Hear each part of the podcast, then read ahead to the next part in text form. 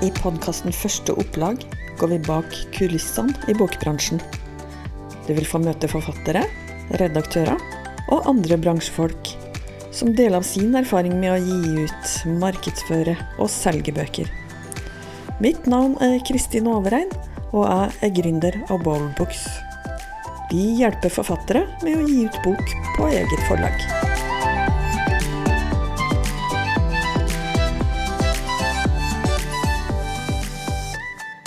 Det fins noen som mener at man er nødt til å gi ut en bok på et stort forlag hvis man skal være så heldig å havne i media. Men dagens gjest kan motbevise det, fordi hun har prestert å havne både på God morgen Norge og fått terningkast fem i Dagbladet. Ikke sant, Aina Skoland? Det stemmer. Veldig glad for det. Ja, eh, og det fikk du for eh, en eh, bok som heter Solgt, som er en thriller. Mhm. Vi skal komme tilbake til hvordan du klarte å få den medieoppmerksomheten som du oppnådde. Men eh, aller først vil ikke du fortelle litt om deg sjøl og hvem du er? Mhm. Jeg er en tobarnsmor fra Asker. Egentlig så er jeg utdannet eh, Jeg har en bachelor i business og en master i ledelse. Eh, Så at jeg skulle ende opp med å skrive, var jo helt feil, men det var jo mye morsommere. Så jeg har bygget meg opp en eh, business som frilansjournalist. Og så skriver jeg ved siden av eh, først en sakprosabok om historien til Dikemark psykiatriske sykehus. Og så begynte jeg egentlig å skrive julekalenderhistorier for barn. Oi! Ja, ehm, egentlig til mine egne barn, men så var det flere som ville kjøpe dem. Så det ble til Barnas eventyrkalender, der hvor jeg bytter navnet på hovedpersonen. Sånn at barna som bestiller, alltid er um, hovedpersonen i sitt eget eventyr. Men så kult! Ja, Ja. Og så eh, oppdaget jeg at Cappelen Dam startet krimforfatterskole. Og da tenkte jeg at men det kunne jo vært nyttig for å lære litt mer om å bygge karakterer og bygge historie og sånt. Så jeg tenkte, Og jeg var så heldig å komme inn.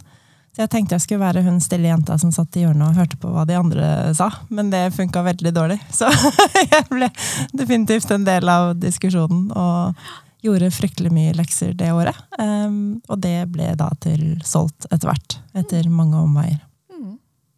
Hvorfor fikk du lyst til å skrive krim, da? Eller thriller, er det kanskje? Ja, det, det var jo egentlig eh, fordi jeg gikk på krimforfatterskolen. Da, så var det liksom det som var naturlig å skrive. Ja. Og jeg tenkte jo ikke da at jeg skulle skrive bok, men etter det året så satt jeg jo igjen både med mange ord i et dokument og eh, en gjeng med venninner som eh, skriver krim. Ja. Så da ble det jo naturlig å fortsette. Og ja, vi pushet hverandre, så vi, vi er liksom en gjeng som har fått Ja, det er flere som har gitt ut, og andre er på vei. Så, så det er blitt veldig bra. Kan du fortelle litt om hvordan eh, du har gått fram for å skrive den boka? Man har jo forskjellige prosesser. Noen bare begynner på starten og skriver, skriver helt sånn intuitivt, mens eh, andre har veldig sånn detaljert struktur Mm. på forhånd. Hvordan jobba du? Jeg begynte helt i, i ørska. Ja. og begynte å skrive. Eh, Jeg kom på en scene. eh, Altså, jeg har fryktelig dårlig fantasi. Det gjør seg veldig dårlig som forfatter. Ja. Så når jeg da endelig kom på en scene Ja. eh, som jeg kunne bruke til å søke på Krimforfatterskolen med, så måtte jeg jo bruke den, men jeg ante jo ikke hvor det skulle ende. Så jeg har brukt fryktelig lang tid, og det har vært veldig mange versjoner av uh, Solgt før det ble solgt. Ja. Men nå, når jeg holder på med neste bok, etter å ha gått skrivekurs og jobbet med redaktør og sånt, så har jeg sittet og planlagt. Eh, jobbet lenge med plott og planlegging først. ja.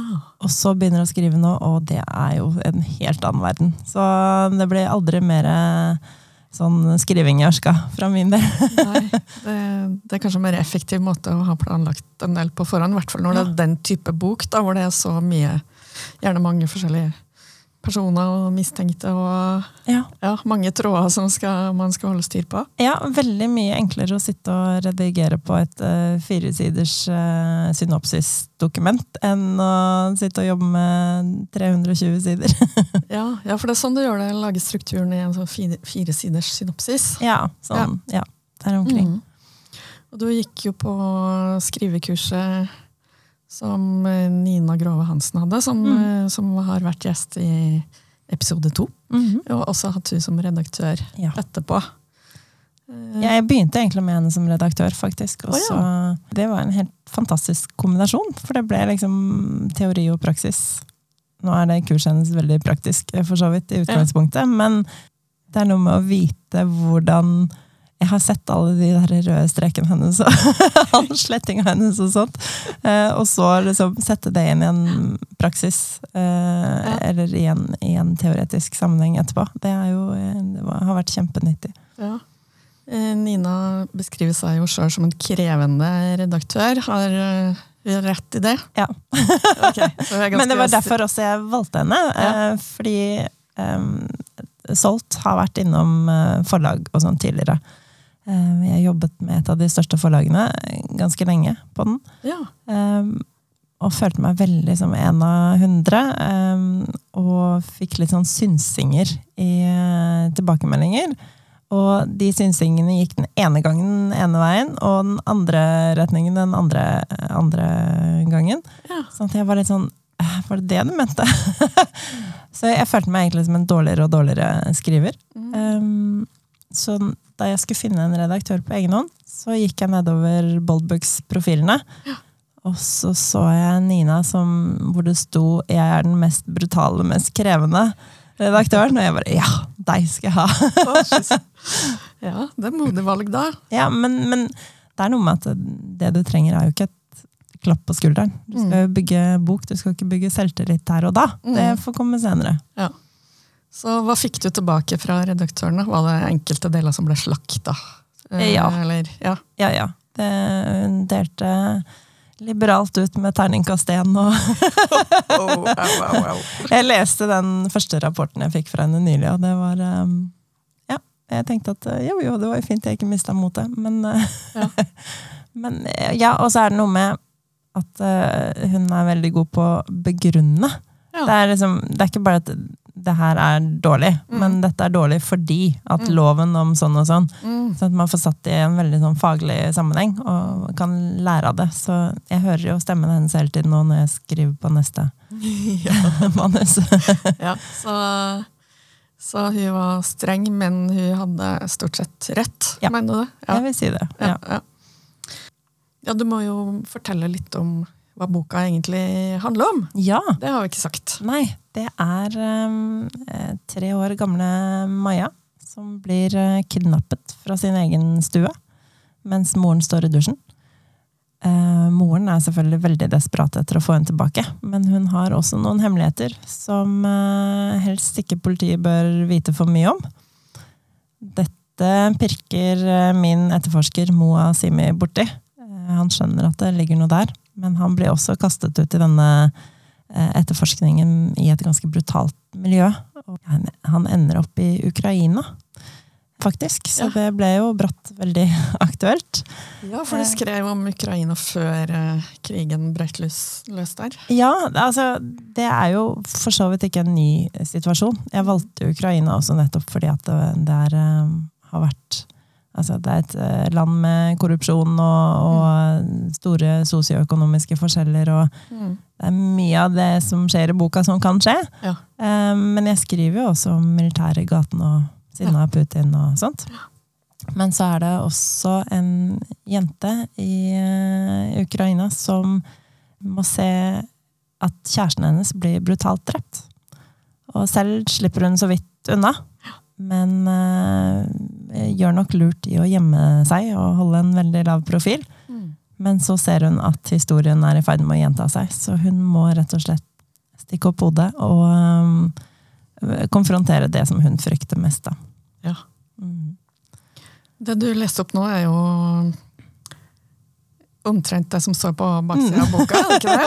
Jeg syns jeg, jeg husker at han har lest eh, det. fordi Ja. Jeg må jo fortelle også at jeg valgte å kjøpe inn boka di som en uh, liten påskegave til resten av Bålvågsteamet og Ja. styret. Uh, som en påskekrim, eller påsketriller. Mhm.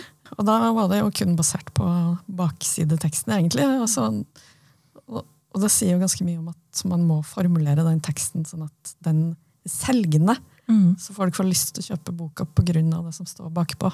Og det var jo det vanskeligste av alt. Jeg tenkte, ja, jeg tenkte, Nå har jeg skrevet en hel bok. En eh, liksom, baksidetekst kan jo ikke være noe problem. det Ja. var det. Ja, det var det. Det var så frustrerende. Fikk du noe hjelp til den, eller? Ja, der var det veldig mange involvert. Eh, Nina som redaktør, språkvaskeren min, ehm, eh, korrekturleser. Det var mye diskusjoner om Jeg tror det var åtte mennesker involvert i en diskusjon om to kommaer på baksiden. Så det, ja, det var eh, en prosess i seg selv. Ja.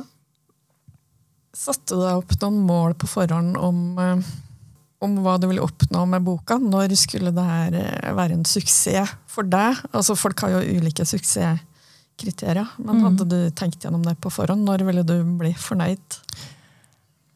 Det er et veldig vanskelig spørsmål som jeg burde hatt et klart svar på, fordi jeg er veldig businessorientert. Ja. Men eh, ja, man vet jo Altså, jeg har hatt en sånn businessstrategi på at jeg vil flytte mer av min business fra å skrive sånn eh, kroner for ord. Ikke sant? At jeg skriver artikler og, og får betalt for de, og så må jeg skrive mer. Um, og mer over til litt sånn større passive inntektsstrømmer. At jeg skriver noe en gang, og så selger det flere ganger. Ja. Så, så det var jo en klar strategi, men den er ikke så tallfesta som den sikkert burde vært. Jeg har ikke hatt noe sånn mål på antall solgt og sånt, men jeg har hatt ganske klare mål på at jeg konkurrerer med de eh, etablerte forlagene. Ja. Eh, Så det har jeg vært veldig klar på, at hvis jeg først skulle gi ut selv, så skulle eneste forskjellen skulle være hvem som eier forlaget. Ja. Ikke sant? Det skulle være alle de samme kvalitetsstegene og, og rundene som et etablert forlag ville ha gjort. Og det, det føler jeg at jeg har klart å oppnå. Så det, det er jeg ganske fornøyd med. Og jeg, når det er på plass, så tror jeg ikke verken lesere eller bokhandlere egentlig bryr seg så mye om den logoen på utsiden. Ja, og det er ganske interessant det du nevnte med passiv inntektsstrøm, fordi det er det ikke så mange som har nevnt. Men det er jo faktisk det det er, når man har lagd et åndsverk som bare du gjør én gang, og så Mhm. kan det generere inntekter for deg i årevis, mm. eh, hvis du gjør de rette stegene og når når målgruppa di. da. Ja, og så er jeg ganske sånn em, pragmatisk på det at jeg tenker at jeg blir jo ikke millionær av en bok. Men jeg tenker mer på hvordan vil inntektsbildet mitt se ut om ti år, når jeg har en større portefølje og jeg, har ganske sånn, jeg tenker at det er viktig å bygge stein på stein. Ja. Og da er det jo viktig å eie de intellektuelle rettighetene sine selv da, Mm. til verket. Um, Fordi de, eh, de slipper du jo å si fra deg så lenge det er du som har ditt eget forlag. Ja. Kan du si noe om utgivelsesprosessen underveis? Eller vi kan først ta Du nevnte jo den boka, Dikemark-boka. Mm. Eh, Vi kan komme innom den også. Var det sånn at du hadde gitt ut den også sjøl? Det gjorde jeg. Det, det, det var jo um, historien til et lokalt psykiatrisk sykehus. Um, og, sånn vi, og jeg jobbet sammen med en fotograf, en veldig flink fotograf. Så jeg skrev, og hun tok bilder. Og em, det begynte egentlig med at vi lagde en eh, artikkel fra stedet. Og det gjorde vi fordi at jeg hadde sett på Jul i Blodfjell. Og det er filmet der oppe. så jeg ville inn i de kulissene, så derfor så fant vi ut at kan ikke vi lage en artikkel derfra? Og så kom vi opp dit og fant ut at altså, det er jo ikke jul i Blodfjell som er interessant her. det er jo så mye mer. Eh, og da fant vi ut at en artikkel var altfor lite. Men jeg hadde ikke tid til å lage en bok. Eh, så jeg begynte med å spørre fotografen, for hun har enda tettere kalender enn meg. Jeg tenkte at hun sier nei. Da slipper jeg å si nei. Eh, Men hun sa jo ja, det gjør vi. Og så gikk jeg til eh, Museumsforumet, altså et sånt museum som er der oppe på sykehuset. Og, for jeg tenkte at jeg må jo ha masse informasjon. Så tenkte jeg at hvis jeg spør dem, for de må jo sette av mye tid, så de er jo nå sikkert kjempelei. De har hjulpet Trude Teige med pasienten, som også er der oppe fra. Så jeg tenkte at de må jo si nei. Og de bare ja, det vil vi kjempegjerne. Og jeg bare nei. Og så tenkte jeg at men dette blir jo dyrt, for ettersom vi tenkte at det var så lokalt, så var det jo ikke interessant for et forlag. Så vi trengte litt penger. Så vi spurte kommunen om penger, Asker kommune. Og tenkte at de sier jo i hvert fall nei, nå slipper vi å gjøre det. Og de bare ja, det kan dere få! så da, da, ble, da, måtte vi begynne å lage bok. Ja. Men ja, det kosta jo litt mer enn det vi trodde. Så, men det var altså for en lærekurve. det, det var, vi lærte jo masse om um, altså Det var jo en bok som på en måte var ganske kompleks i design og, og trykk og sånne ting. Sånn at mm. det var mye å lære, kan man si. Ja, Det var en påkosta versjon siden det, Det var mye det. bilder, og sånn, og da blir det Ja. jo fort litt dyrt, både med ombrekking og trykk. Ja, det ble det, altså. Så um, Hvordan har det gått med den boka? da? det har gått bra. Uh, vi tenkte jo liksom at det skulle være en sånn uh, uh, Altså, det er en veldig nisje. Jeg tenkte den skulle være veldig lokal. Ja. Eh, men vi har solgt liksom over hele landet. Selvfølgelig mest i eh, vårt eget område. Ja. Men eh, den har solgt pussig nok mye i Trondheim, I Trondheim. Ja. av en eller annen grunn. Ja. Så, så ja, vi har solgt um, 1100 bøker eller noe sånt nå. Så det er jo ganske bra. Det er ganske bra, ja. Mm. Hvis du tenker tilbake på den gangen, for det var den første boka du ga ut, eller? Ja. Det var den første boka jeg ga ut, og i våres så fikk vi eh, Asker og Bærum Historielags litteraturpris for den boka. Nei, Det var veldig gøy. gratulerer. Mhm. Det er Gøy, da. Og det var samme uken som jeg ga ut Solgt. Så det var liksom Wow. Ene seieren etter den Ja, det, andre. det var en bra uke. Det var en veldig bra uke. Hvis jeg tenker tilbake på det kunnskapsnivået du hadde da før du starta med den Dikemark-boka, Mhm. og, og alt det du har lært av både den og solgt-boka. Ja. Husker du liksom hva, hva er det du veit nå som du ikke visste den gangen? Jeg tror at jeg kanskje hadde et mer realistisk bilde enn eh, de fleste når det gjaldt markedsføring og salg. Ja. For der er jeg ganske sånn eh, ja, realistisk. Men jeg lærte mye først om, eh, om I Dikemark-boka så lærte jeg mye om å lage en papirbok. Ja. Eh, nå med Solgt har jeg lært mye om å lage e-bok. Ja. Um, og da tenkte jeg at jeg hadde lært nok, så jeg solgte lydbokrettighetene til Solgt. Ja, du gjorde det. Solgte det til et forlag? Ja, Ja. det gjorde jeg. Så, um, så jeg tenkte at nå holder det med læring for denne gang. Så neste bok kan du lære deg om lydbøker. Ja, vi får se. Eh, Blir det en neste bok, forresten? Det blir det. Jeg sitter og skriver nå, så um, Hva slags type bok er det, da? Det er eh, Moa Simi som må ut på oppdrag igjen, da. Ja, Så det blir rett og slett en serie med en gjennomgangspolitimann? Eh. Ja. ja. Det gjør det. Han, jeg har fått veldig mye tilbakemeldinger fra anmeldelser og sånt også, om at eh, det ikke bare er jeg som liker Mo og Simi. Så um, han, eh, han får nok være med videre. Men han får kanskje lov til å flytte ut fra foreldrene sine i neste bok. ja, ok. Hva, var det, hva er det som har vært vanskeligst med å skulle gi ut på eget forlag? Eh, ja, det um, Jeg tror egentlig det vanskeligste var å bestemme seg. Eh, Fordi at jeg, som mange andre, var jo på de vandringene rundt på forlag først. Men når jeg da først bestemte meg, og, og jeg fant altså Da jeg lagde Dikemark-boka, så ante jeg ikke at Boldbooks eksisterte. Så det å oppdage at det var en sånn samling av tjenester og muligheter, var jo helt fantastisk. Eh, Så jeg vet ikke. Altså, det vanskeligste er vel kanskje det med oppmerksomheten. Eh, Som jo er veldig viktig. Men den, den utfordringen tror jeg alle forfattere møter på. Så jeg tror ikke det egentlig er så unikt for uh, indie-forfattere. Selvfølgelig mye, mye av den bokhandelkommunikasjonen uh, blir jo tatt av forlag uh, ellers, men um, ja, det er nok det med oppmerksomheten som, som er det vanskeligste. Mm. Jeg fikk jo en del oppmerksomhet til å begynne med, um, og så etter, For jeg ga ut i mars. Og etter påske så måtte jeg ta igjen litt annen jobb, og i tillegg så fikk jeg korona. Og jeg merket jo da, når jeg ble stille, så, så roet eh, salget seg, kan man si. Men, så det er noe med at man må alltid være på. Akkurat. Ja. Det ga jo Du så en veldig tydelig sammenheng der, Ja. ja. om at du sjøl måtte være på. Og Mm. Hvordan, hva gjorde du da for å få den oppmerksomheten? Altså, jeg har fått veldig mye sånn 'Å, du er så heldig som har fått en Dagbladet' og 'God morgen Norge', og eh, det har vært Nettavisen og Adresseavisen og, og mye bokblogger og sånt.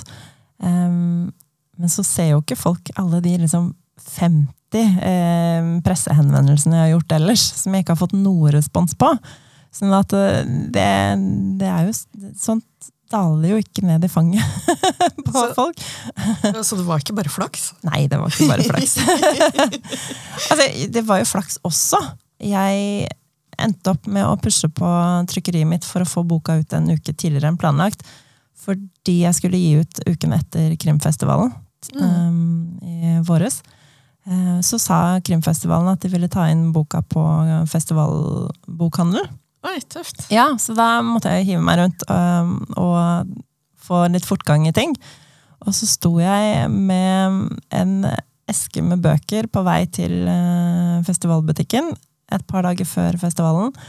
Og eh, liksom eh, bokkasser og ja, det var svetten nedover ryggen. Og så ringte telefonen, og jeg bare åh, ja ja, jeg får ta den. Ja. Og så tok jeg den, så var det en som presenterte seg som Katrine Krøger, bokanmelder i Dagbladet. Og jeg var, altså, jeg var to sekunder unna å si ja, særlig. Så dum var jeg ikke. Veldig glad for at jeg ikke gjorde det. Um, men da hadde hun fått um, nyss om boken via en, uh, en um, eh, en pressehenvendelse som var sendt til Dagbladet. Ja. Og så var hun blitt bedt om å anbefale bøker på God morgen Norge. Ja. Eh, Men hun hadde jo boken bare elektronisk, så hun ringte rett og slett og spurte om eh, et fysisk eksemplar som hun kunne vise fram. ja. Så det, ja, det fikk hun jo. da kjørte jeg jo fort hjem til henne og leverte en bok. Og så var det hun også som senere, for hun likte den såpass godt, at hun kjempet for å få anmelden i Dagbladet. Ja. Var du også med på God morgen Norge? Nei, med jeg var ikke det. Nei, det var bokanmelderen som Ja. var der. Ja, eh, hun presenterte sine tre krimfavoritter for våren. Og det var eh, altså Den sendinga her var liksom ti minutter før åpningen av krimfestivalen. Yes. Og jeg er en del av en gjeng med venninner eh, fra, krimfe, eh, fra Krimforfatterskolen som alltid sitter på første rad eh, når krimfestivalen åpner. Ja. Kommer kjempetidlig og sitter, vi ser litt rare ut, så sitter helt alene og venter. Men da å sitte der liksom, med de jentene og eh, bobler i glasset og liksom ti minutter før eh, festivalen åpna og satt og så på en liten skjerm på telefonen og bare 'Å, det er boka mi!' det var veldig stas. Åh, så stas. Jeg får gåsehud. Ja.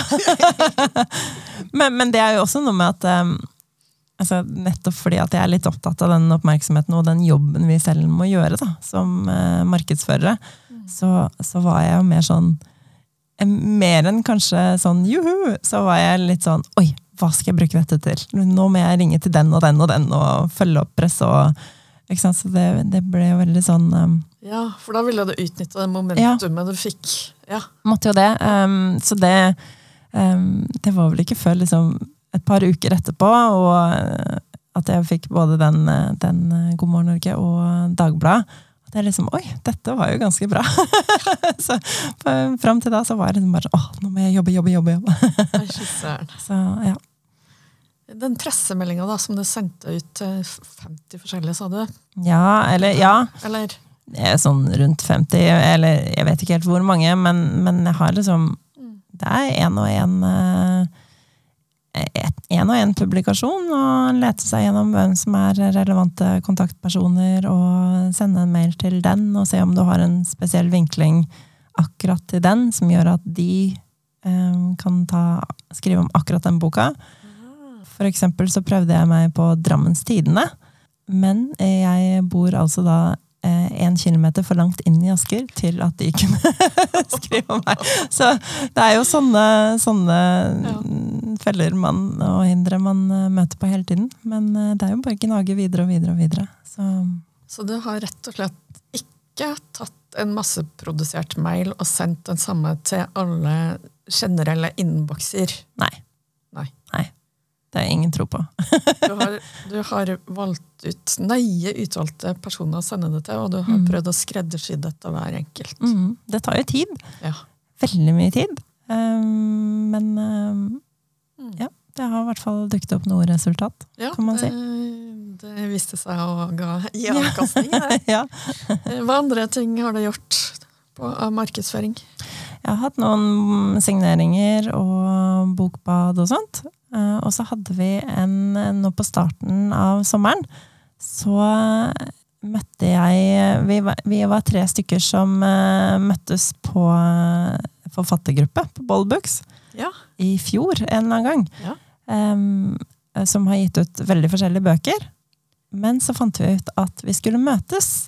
Og da gjorde vi det i form av å sette opp stand på en festival. Eh, Rørafestivalen i Porsgrunn. Ja. Eh, og kalte oss selv for Bokmakerne. Og så solgte vi bøker der. Ja, det var, og det, det, det, var en litt sånn absurd bokstand, egentlig. For det var en, en eh, barnebok, en uh, fantasy ungdoms, barne- og ungdomsbok. En gjendiktning av Erasmus Montanus, og en thriller og en historiesakprosa. Ja. så det var liksom veldig sånn Eh, vi spente veldig vidt med våre til sammen fem bøker. Eh, men det var noe med det når folk hørte at eh, ja, vi selger bøker, ja ja. Mm -hmm. Men vi er forfatterne selv som selger våre egne bøker. Oi! Det var folk veldig mye mer interessert i. Ja, det er sant. Så, ja, ja. så det, det, var jo det var veldig morsomt. Vi kommer nok til å gjøre det flere ganger. Så ja, så de syns det, var ålreit å kjøpe direkte av uh, forfatteren og ja. se at du får pengene sjøl? Ja, ja. det, og jeg tror folk syns det er stas. Liksom. Bare sånn, Oi, har du skrevet hele den boka her? vet, og det, det, er litt sånn hyggelig når foreldrene liksom sier til barna vet du hva, hun har skrevet den boka her selv. Og barna er liksom Har du det?! ja, så, og det er jo veldig hyggelig, for jeg tror mange på en måte tenker ikke nødvendigvis så mye på at det faktisk er noen som har sittet og, og skrevet, tastet alle disse ordene. Så, ja, ikke sant? Mm. Har det solgt flest bøker direkte til bokkjøperne, eller flest gjennom bokhandel? Flest gjennom bokhandel. Ja, nettopp, mm. ja.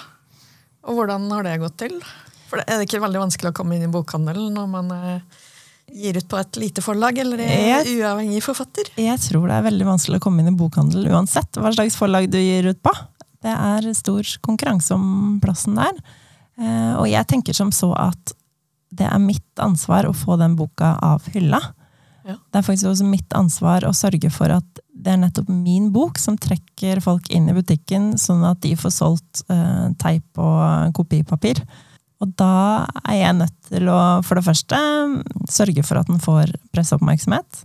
Eh, men også Jeg har delt ut masse leseeksemplarer til bokhandler og sånt. Eh, og jeg har sendt masse mailer og oppdatert eh, bokhandler. Altså, det fins en sånn liste fra Bokhandlerforeningen hvor du kan få kontaktinformasjon til alle bokhandlere i hele Norge. Det er veldig kjekt å ha. Så det har gått noen mailer der. Ehm, og det, det, å være synlig og overbevise om at den boken her eh, vil selge seg selv.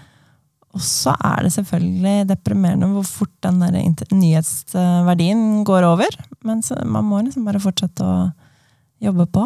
Ja. Så, så det, ja, det har vært eh, veldig hyggelig å, å få eh, altså innkjøp fra bokhandlere. Det men jeg tror ikke, tror ikke det bare er indie-forfattere som sliter med den hylleplassen der, altså. Det, det, er noe med det. Det gir, gis ut så mange bøker at i hvert fall i de bokhandlerne som er minst av fysisk størrelse, så har de jo rett og slett ikke plass. Nei. Og så er det også noe med å opplyse potensielle lesere om at hvis du bare spør i bokhandelen, så tar de den inn.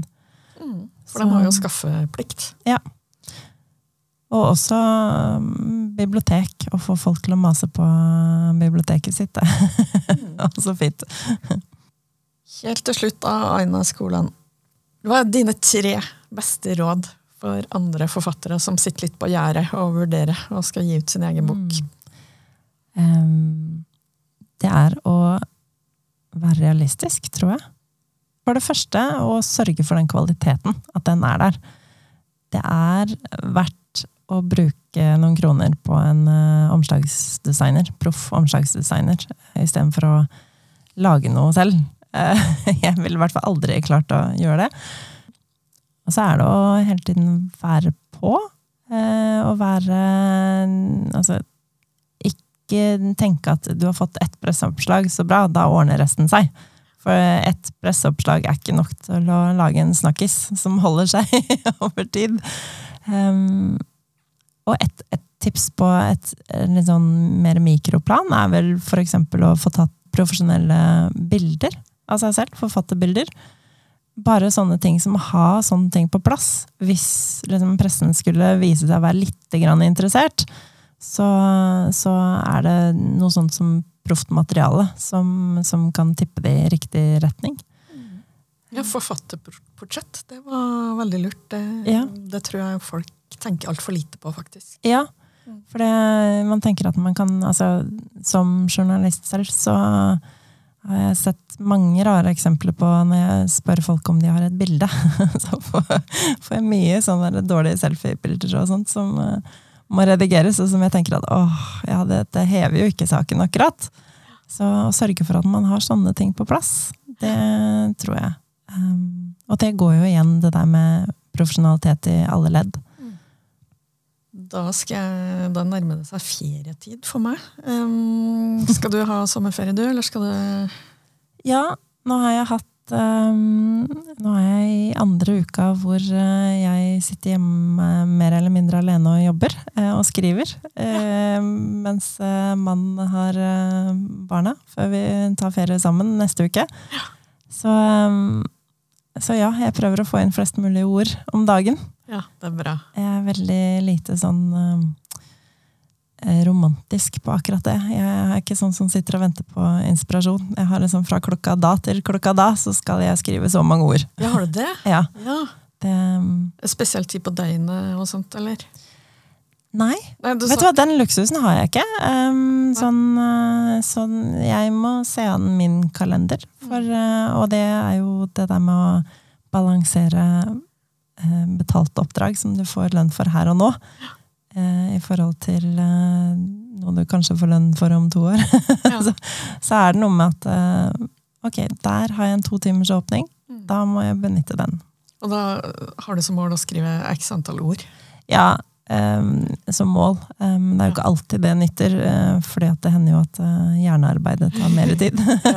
men Ja. men em, ja, er, da skal jeg sitte foran PC-en og taste. Det er, ikke, det er ikke da jeg setter på oppvaskmaskin.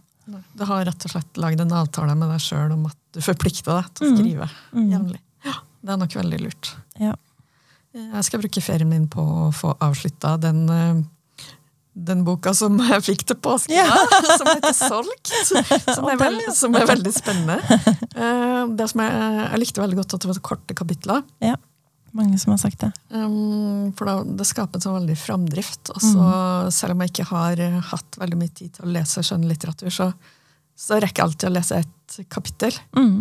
Det er veldig, veldig mange små kapitler. Så da skal jeg få avrunda og se hvordan, Hvordan det går. hvordan det går til slutt. Det er bra jeg ikke avslørte noe, da. Ja, det var bra jeg ikke avslørte. Da får du ha riktig god sommer, Aina, og takk for at du kom. Takk for det.